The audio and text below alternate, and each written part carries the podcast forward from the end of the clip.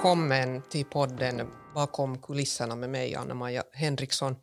Tanken med den här podden är som bekant att ge dig som lyssnar en unik inblick bakom kulisserna i regeringen, vad som sker under min arbetsvecka tillsammans med mina kollegor och mina medarbetare. Och jag gör det här nu på ett sånt sätt att jag vill ju förstås inte avslöja sånt som är hemligstämplat. Det, då skulle jag hamna inför rätten själv och det skulle inte vara världens bästa plats för en justitieminister. Men det där, den här veckan nu så är det ju fortsättningsvis så att den här coronakrisen den upptar också det mesta av, av min arbetstid. Och jag vet att det här är också fallet för min gäst här idag, professor Mika Salminen. Hjärtligt välkommen. Tack, tack. Och I egenskap av hälsosäkerhetschef vid THL, alltså Institutet för hälsa och, och välfärd, så har du, Mika, gått från att ha varit en äh, ganska anonym tjänsteman till någonting av en rikskändis. Så det är verkligt roligt att, att ha dig med här idag. Med oss här kring bordet så sitter också Ted Urho. Ted är ju som bekant professionell frågeställare och han sköter teknik och klockan och frågorna som har kommit från, från lyssnarna. Och hej och välkommen också till dig Ted. Tack så du ha Anna-Maja. Det där, Mika, vi har egentligen inte känt varandra heller tidigare men plötsligt så damp det här coronaviruset ner också här i Finland, i hela världen. Och, och vi har egentligen träffats på Ständerhuset av alla ställen nu under en, en lång tid, många gånger. Eh, I det förra avsnittet av, av eh, Bakom kulisserna så talade jag om mina personliga upplevelser av coronaviruset och, och när det gick upp för mig att, att eh, det här nu är en allvarlig situation. Men när slog det dig, Mika, att den här situationen är allvarlig? Vid det skede som det började talas och när vi liksom började inse på basen av informationen från Kina att det här faktiskt smittar från människa till människa, så då, liksom, då började vi oroa oss på allvar att, att, att om inte kineserna får det under kontroll så då kan det gå dåligt. Precis. Och vi hade första fallet i Finland så var ju en kinesisk turist som, som blev mm -hmm. sjuk där visst, uppe i visst. Lappland. Då. Ja. Att då gick det ju ännu bra att då fick vi inte något liksom fortsatta fall, att hon smittade egentligen ingen, inte ens sina egna barn. Nej, just det. Ja. Jag var själv också på resa i, i, Lappland faktiskt då i slutet av januari och, och, man skämtade ju lite om det här att, mm. att inte tog man ju det på allvar utan, utan det var ju liksom så här att det är nog någonting som händer annanstans. Men, men världen över nu så är det ju så att epidemiologerna så över en natt så har blivit superkändisar bland befolkningen och, och, och, och man söker svar på, på många frågor. I USA så blev eh, Tony Fauci äh, satt i en besvärlig situation. Han, han är alltså epidemiolog där och jag förstår att du också känner honom. Eh, och han får nu kämpa med en ganska bångstyrig president för att få sitt budskap igenom. I Sverige igen så har ju Anders Tegnell, han har, han har blivit också mycket känd. Han ställer sig framför TV-kamerorna tycker jag mycket oftare än statsminister Stefan Löfven, så vi har lite olika sätt också att kommunicera. Men du har Mika också varit, varit många gånger med. Men hur ser du på din position så här i, i förhållande till, till regeringen? Och har du några reflektioner nu om hur regeringen jobbar? Är det någonting som har överraskat dig? Inte vet jag om överraskat, alltså, situationen är ju helt ny för mig också, att inte, inte är liksom van vid att på det här sättet direkt direkt liksom eh, handskas med, med landets högsta ledning. Att, att vårt normala arbetssätt är ju det att, att om ministeriet har något som de behöver eller frågor så, så är det ju liksom främst de som betjänar. Men att i princip så är ju liksom eh, uh, THL är ju ingen myndighet, vi är en, vi är en uh, forsknings och, och liksom expertorganisation vars uppgifter är liksom utskrivna i lagen och vi ska, vi ska så att säga få fram beslutsunderlag och, och äh, liksom information om olika saker. Och jag, jag råkar nu sen basa för just den äh, avdelning som, som det här slog till på, att, att, att äh, infektionssjukdomar hör till vårt gebit. Att det har nog varit intressant förstås att följa med, men att lite liksom rent ut sagt skrämmande också att, att, att, att man måste liksom vara i en sån här position var, var hela samhället så att säga är lite beroende på, på hurdana, hur, hur vi liksom tolkar situationen. Nu har du varit i den här rollen i, i, i snart ett par månader. Har den, har den blivit bekvämare för dig så att säga? Inte vet jag om bekvämare, men att förstås vänjer man sig vid vad som helst. Och att det där, jag måste säga att, att, att inom regeringen så, så har ju folk liksom nog tagit emot den information som, som vi ger och, och, och behandlar den liksom rationellt och det är jag glad för. Sen är jag också lite nyfiken på det här, du, alltså känner du den här Tony Fauci själv? Jag själv känner jag inte Tony Fauci så bra, det är bara Burke som är den här andra personen som, som sitter där med, hon har varit min chef på 90-talet faktiskt. Så. Spännande. Henne känner jag faktiskt. Ja. Har ni alltså nu också någon sån här nätverk av epidemiologer runt om i världen? Eller? Nu har vi ju det alltså, speciellt då inom EU, och det är liksom uh, institutionaliserat helt och hållet. Så att, så att via, via då Europeiska uh, smittskyddscentralen, ECDC i Stockholm, så, så, det där, uh, så har vi kontakt i praktiken med alla motsvarande liksom, personer i, inom Europa. Och speciellt mycket har vi haft kontakt med, med de nordiska kollegorna. Ja, precis. Jag kan nog förstå det här att det måste ha känts för dig som en, en märklig situation att plötsligt uh, befinna sig där i samma utrymme som hela landets regering och i en, i en situation där landet är satt i undantagsförhållanden. Det har ju varit en märklig situation för oss alla.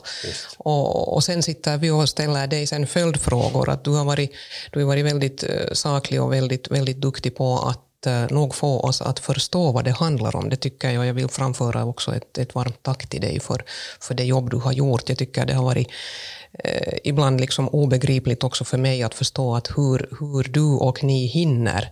Och jag förstår att inte du är ensam bakom de här eh, siffrorna och kurvorna som ni presenterar om det epidemiologiska läget, utan där finns säkert många sakkunniga bakom. Att, är det också så att ni samarbetar med infektionsläkare då runt om, alltså på våra universitetssjukhus, eller hur, hur ser det ut i praktiken? Ja, ja, i praktiken är det just exakt så att, att eh, då till vår roll, och vi jobbar ju liksom långt enligt då smittskyddslagen, eh, eller liksom, tartuntautilaki som det ja. heter på, på, på uh, lagen om smittsamma sjukdomar, och, och där så att säga uh, specificeras då våra liksom, uh, kontakter egentligen det är smittskyddsläkarna i, i, i uh, varje sjukvårdsdistrikt som, som är våra första kontakter och sen likaså i kommunerna. Så att, så att de jobbar vi liksom normalt också med. Nu under den här tiden så, så har vi varje vecka haft videokonferens med dem alla. Att, att där sitter nu, nu för tiden över hundra människor. Liksom. Um, och då diskuterar vi hur situationen ser ut, vad de har gjort, um, vad det liksom kommer ut för några nya nya uh, instruktioner från, från så att säga, central nivå. Men att till sist och slutligen så är det ju så att, att, uh, att områdena och kommunerna är väldigt självständiga i det vad de gör. Att inte kan vi liksom säga åt dem att nu måste ni göra så här. Det har vi inte liksom någon befogenhet till. Går ni igenom också sånt här om skyddsutrustningsläge och sånt i de här uh, videokonferenserna, eller är det ett annat gäng som gör det? Det har främst varit ett annat gäng, för att det, det, det har vi liksom inte det är inte liksom på vårt ansvar. Nej, det, det, är ministeriet direkt som har, som har skött den saken. Men förstås så, så har vi liksom tagit emot liksom feedback om, om det här också. Och nu verkar det ju som att vi kommer nog att få träffas ganska ofta framöver också. Det, det, det ser ju ut som så att, att inte blir vi av med det här viruset ännu till, till midsommar, men, men vi det där får återkomma till det om en liten stund.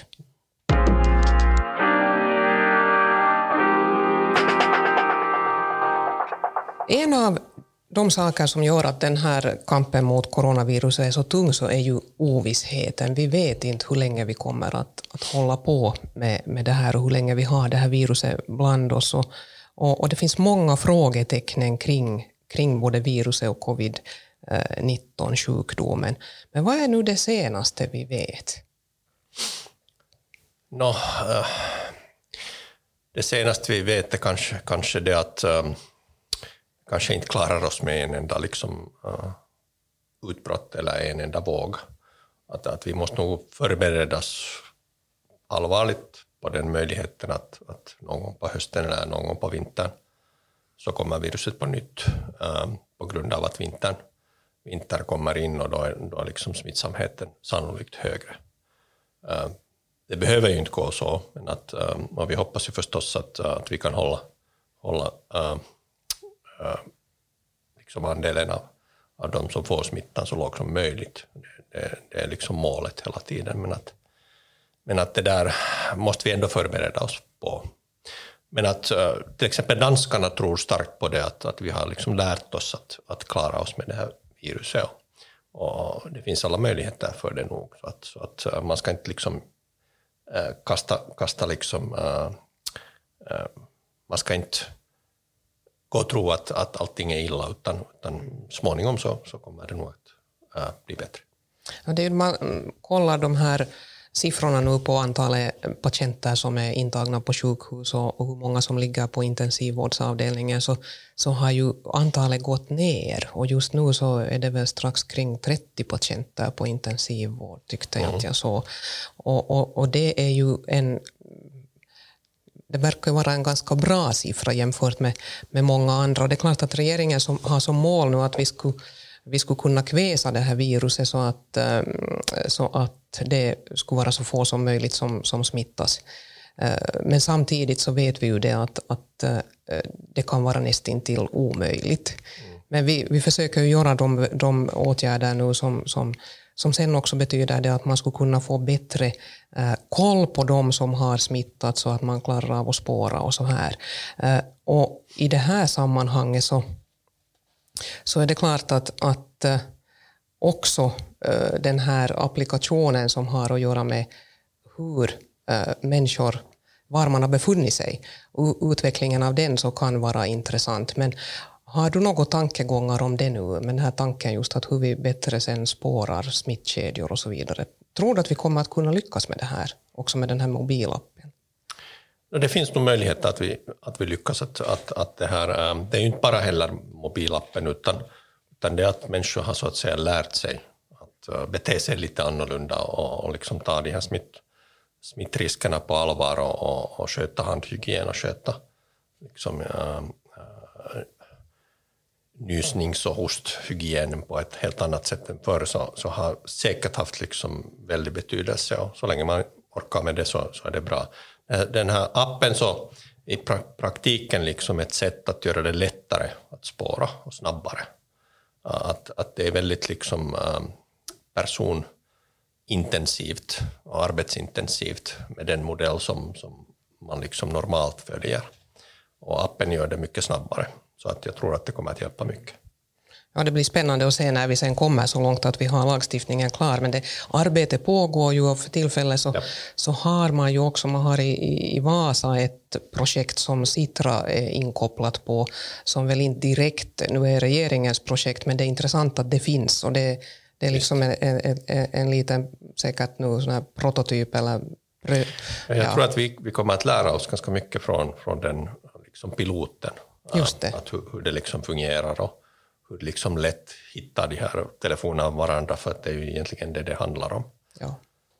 Vad, vad är liksom nytta? Förlåt, nu kommer jag med en sån här lite dum fråga. Men ja. vad är den där nyttan med den där spårningen? På vilket sätt sätter den här spårningen stopp för spridningen till exempel? Det är det här som jag kanske inte riktigt har, har förstått helt och hållet.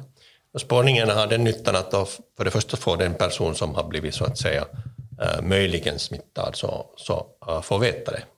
Och sen det andra eh, är att eh, de kan sättas i karantän. Och det betyder det att man då håller sig hemma eh, två veckor men får kompensation och blir liksom av med inkomsten samtidigt. Och det här är ganska viktigt självverke för att på det sättet får vi liksom stopp på, på de här smittokedjorna som annars liksom ingen har någon koll på.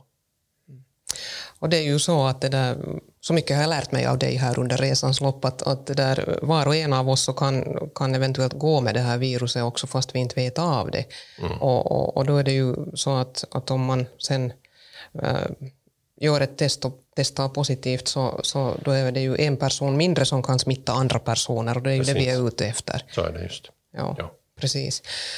Och du sen en, en helt annan sak, nu när solen skiner där ute och, och, och det, det, blir vår och snart sommar, så eh, många äldre människor har ju varit bekymrade över, över den här situationen. Och, och det, där, eh, det var ju en Helsingin Sanomats eh, upplaga här som du också uttalade dig för en kort tid sedan om, om de här begränsningarna som, som 70-plussarna har, har ålagts.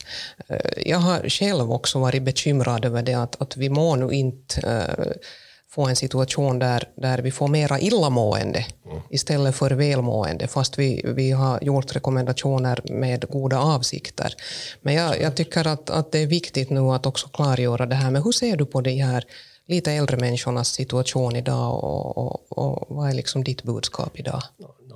Jag har varit orolig just för att det är liksom tufft att, att om, om man liksom inte har någon um, tanke på hur länge det håller på, att man, man kan sitta inne att vem som helst orkar ju några veckor, men att sen när det blir liksom månader så, så sen börjar de, de liksom dåliga verkan komma in. Att, att jag har fått ganska mycket liksom e-post och, och kontakter var um, äldre människor som är liksom friska och, och inte har några sjukdomar så förundrar sig över att varför ska de sitta inne. Att, jag, jag, tror att, eller jag vet ju att alltså tanken har ju varit god och det, och det liksom finns belägg för det, men att på något sätt så har kanske folk uppfattat det som ett, en order att de får absolut inte gå ut. Precis. Vilket förstås har varit fel, men, att, men att därför var det viktigt att, nu, att det nu liksom kom ut lite mer klara, klara uh, instruktioner att vad som är liksom farligt och vad, vad är inte farligt.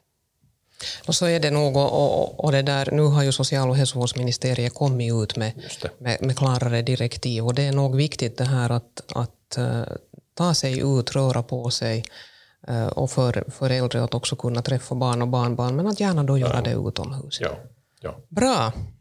Det faktiskt kommit en lyssnarfråga också till, till eh, podden att sfp.vi kring, just det här, kring just det här eh, från Gun. Hon skriver så här. Ehm, från första början har jag irriterat mig på att alla, hon är inne på exakt samma tema som vi just pratade om, på att alla 70-plussare slängs i en hög. Jag som är 73 är pigg som en pelikan, har varken, jag har aldrig hört det uttrycket förut, har varken diabetes, blodtryck eller något annat, ändå får jag det intrycket att jag förväntas vara i dåligt skick. Hur i vida världen? Um, vad kan vi göra för att, för att uh, differentiera mellan just exempel de här 73-åringarna och sen de här 103-åringarna som alla lite dras över en och samma kam? Det är en väldigt bra fråga och, och, och, jag kan bara svara att det behövs mer forskning för att för, att för tillfället så, så har ingen liksom kunnat liksom dissekera skillnaden mellan en 70-årig som är frisk och en 70-årig som, som har då flera liksom, um, sådana här K-faktorer, um, grundsjukdomar. Och det är fullt möjligt att de som, som är friska så har mycket, mycket lägre risk, men att vi har inte liksom kunnat få det ut från datat ännu. Mm. Så att eh, det där kommer så småningom och jag, jag hoppas det kommer fort så att, så att man kan så att säga göra differentierad riskbedömning också. Och här är det ju förstås det att, att regeringens mål har ju hela tiden varit det att vi vill skydda den äldre befolkningen och de som hör till en riskgrupp. Därför att, att vi har ju ändå, man har kunnat se på de här dödlighetssiffrorna att, att dödligheten är ändå högre bland bland äldre personer och sådana som hör till riskgrupper. Men det, det är jättebra om det nu också forskas i det här och att man man skulle kunna sen här under resans gång få lite mer kunskap om det. Men att jag tror att väl det viktiga budskapet nu är det att det är helt okej okay att gå ut och det är nästan så att det är bättre att gå ut än att bara sitta inne. Att jag tror det att det, det är viktigt att också säga det rakt ut. Ja.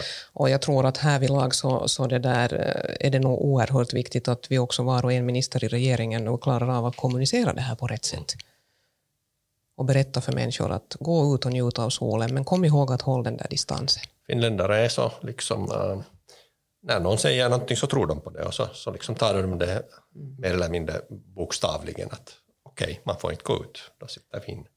Så nu säger vi att gå ut? Absolut. Absolut.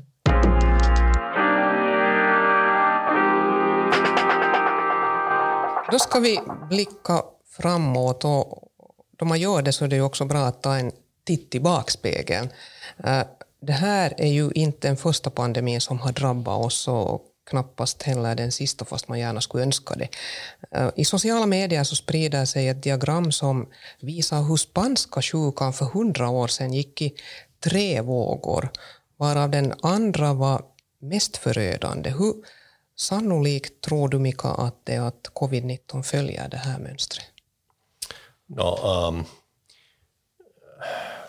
det är igen liksom ganska mycket osäkerhet runt det här att, att uh, för det första så spanska sjukan var influensa och influensa liksom är lite annorlunda än, än det här. Uh, däremot så, så följer jag nog alltså här coronavirus också en sån här liksom, uh, års, um, eller årtids liksom, cykel. cykel. Exakt. Och, och, och, det betyder det att, att normalt så, så har man inte coronavirusinfektioner under sommartid. Mm. Uh, utan de kommer sen på vintern om de kommer. Och det här, uh, problemet med det här är att, att eftersom det här går så att säga första gången uh, över hela världen så är det svårt att förutsäga exakt hur det går. Det finns nog en risk för att det, det kommer en våg på höstvintern. Um, sen efter det, vad som sker, så, så, um, så det liksom normala um, tankegångarna är den att det här blir liksom en, en vanlig sjukdom som, som kommer alltid på vintern. Men att dess effekt kommer att vara betydligt mindre på grund av att um, det är liksom inte första gången som, som befolkningen ser den. Sen om vi får ett vaccin vid något tillfälle så hjälper det ju också massor till. Exakt, och när det gäller det här med vaccin så är det på gång ganska mycket olika mycket forskning ja. runt om i världen. Också i Finland tycks vi ha något, några projekt.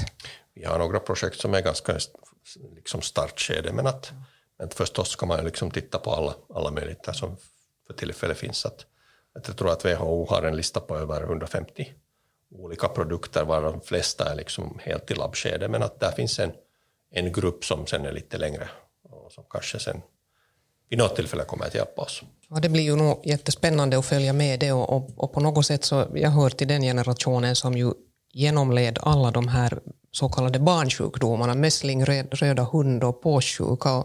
Det fanns ju inte här NPR-vaccinet då Nej, på 60-talet ännu.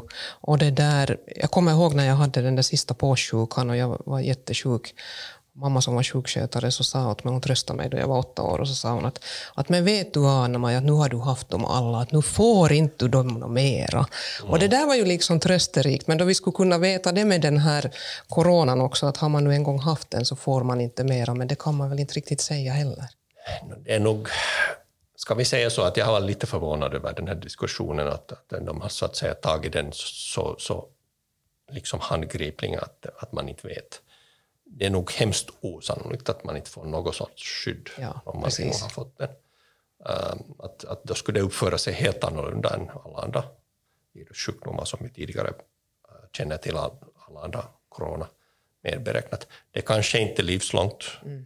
det kanske inte är fullständigt, men att uh, någon form av skydd torde det nog komma. Eh, jag förstod Mika att du, alltså, du har specialiserat dig och liksom din, din grund ligger i hiv-aids-epidemier också. Forsknings, ja. Forskningen, ja. ja. Um, vilka likheter, om jag tänker så här att det är också en, en, en sjukdom, ett virus som drabbar en stor del av befolkningen, eller en viss del av befolkningen ska vi säga. Eh, det har ju inte försvunnit, det här finns inte ett vaccin, men läkemedlen har blivit bättre. Hur, vilka paralleller finns det mellan, mellan covid-19 och, och, och hiv-aids till exempel? No, det uppför sig ganska annorlunda epidemiologiskt. Att, att uh, problemet är det, det, att det här är just ett sånt virus som alla har varit rädda för. Att, att när det är liksom... Uh, vi, vi, var, vi var nog rädda för hiv aids kan jag säga också. Ja, jag vet, jag vet, alltså, men att där liksom, uh, det är ändå liksom en, en annorlunda sorts, här liksom är det inte på något sätt möjligt att mm. direkt själv absolut skydda sig. Um, men att det där, uh, men att när man tänker på alltså mediciner och vaccin så jag tror att min egen gissning, och det här är fullt gissning, som persongissning, är att det kan bra vara att vi har en, en medicin före vi har ett vaccin. Precis. Spännande, intressant. Ja.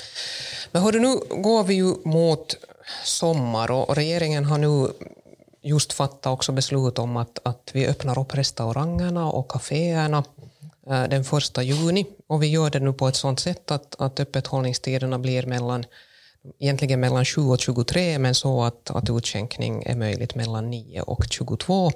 Och sen kommer vi ju att ha vissa begränsningar, det är 50 procent eller hälften av platserna inomhus. Och, och sen vill man att restaurangerna själva ser till att man har tillräckligt med avstånd mellan borden och har tillgång till god handhygien och annat sånt här. Eh, hur ser du liksom på den här sommaren nu som kommer ur epidemiologisk synvinkel? Att jag har ju själv en sån tro att, att om vi finländare nu fortsätter att följa det här att vi tvättar händerna och håller de här avstånden så kan vi gå tryggt på café och på restaurang eh, och, och kanske klara av att inte få en, en så stor smittospridning så att, att vi igen blir i, i blåsten. Men hur ser du på det här? Jag tror nog det liksom finns alla möjligheter att lyckas med det här. Att, att just tack vare det att, att människor har så att säga uh, Eh, vant sig vid, vid att det här är liksom det nya, nya vanliga. Och sen det som är väldigt positivt vad jag har hört från, från de som har liksom förberett den här lagstiftningen på, på eh, sociala hälsovårdsministeriet, att restaurangbranschen själv har liksom sto, stor motivation att följa de här reglerna. De har själva varit med och liksom, uh, sagt att de vill ha det här för att, för att det är liksom, uh, de ser det just att, att, att folk vill känna sig trygga när de går på restaurangen. Och om man har avstånden tillräckligt stora och, och det där, uh, har tillgång till hygien också på restaurangen så, så finns det nog alla möjligheter att, att det liksom inte utbryter några stora epidemier. Vi kan säkert inte säga att det absolut ingenting händer. Det är liksom kanske överoptimistiskt. Att, att no, no, något fall kommer vi att ha, mm. men att, men att um, möjligheterna att kontrollera det här ändå, liksom hålla smittospridningen så låg som möjligt, så, så finns fortfarande där. Men jag ser åtminstone personligen också fram emot det här. Alltså det som jag har saknat mycket här under de här senaste månaderna så är ju nog att, kunna gå på café och dricka mm. en god kopp kaffe och sitta med någon vän och umgås med lite människor Absolut. som kommer och går. Känner du på samma sätt? Absolut. Det är ju liksom ja. onaturligt på många sätt att, att, så att säga isolera sig hela tiden. Hela Ja, det är nog, Människorna är inte gjorda för det. Nej, det är nog, jag tror nog att det är något som vi alla inser nu. Att, ja. att det, jag tror att, och, och, och, här också nu, så, så det där, jag hoppas att vi också kan ge våra, våra restaurangägare och kaféägare den, den, det budskapet att, att vi vill gärna nog besöka dem och, och, och sitta där och, och dricka deras kaffe och äta deras goda mat, bara, bara saker och ting sen löper väl. Men hör du sen en helt annan sak. Vi har ju som jobbat nu under en väldigt speciell situation och, det har nog inte varit hemskt mycket ledigt. Men har du hunnit själv ta igen dig något? Vad har du för sommarplaner? Har du, vågar du göra planer? Jag planerar inte heller nu sådär jättemycket. Men... Jag gjorde nog planer faktiskt. Ja, no, hittills så under, under liksom vårens lopp så hade jag två dagars semester, extra semester eh, runt påsken. Uh, och så var jag faktiskt i karantän två veckor, men att, uh, då jobbar jag Du har varit i karantän också. Nog, uh, men att det där...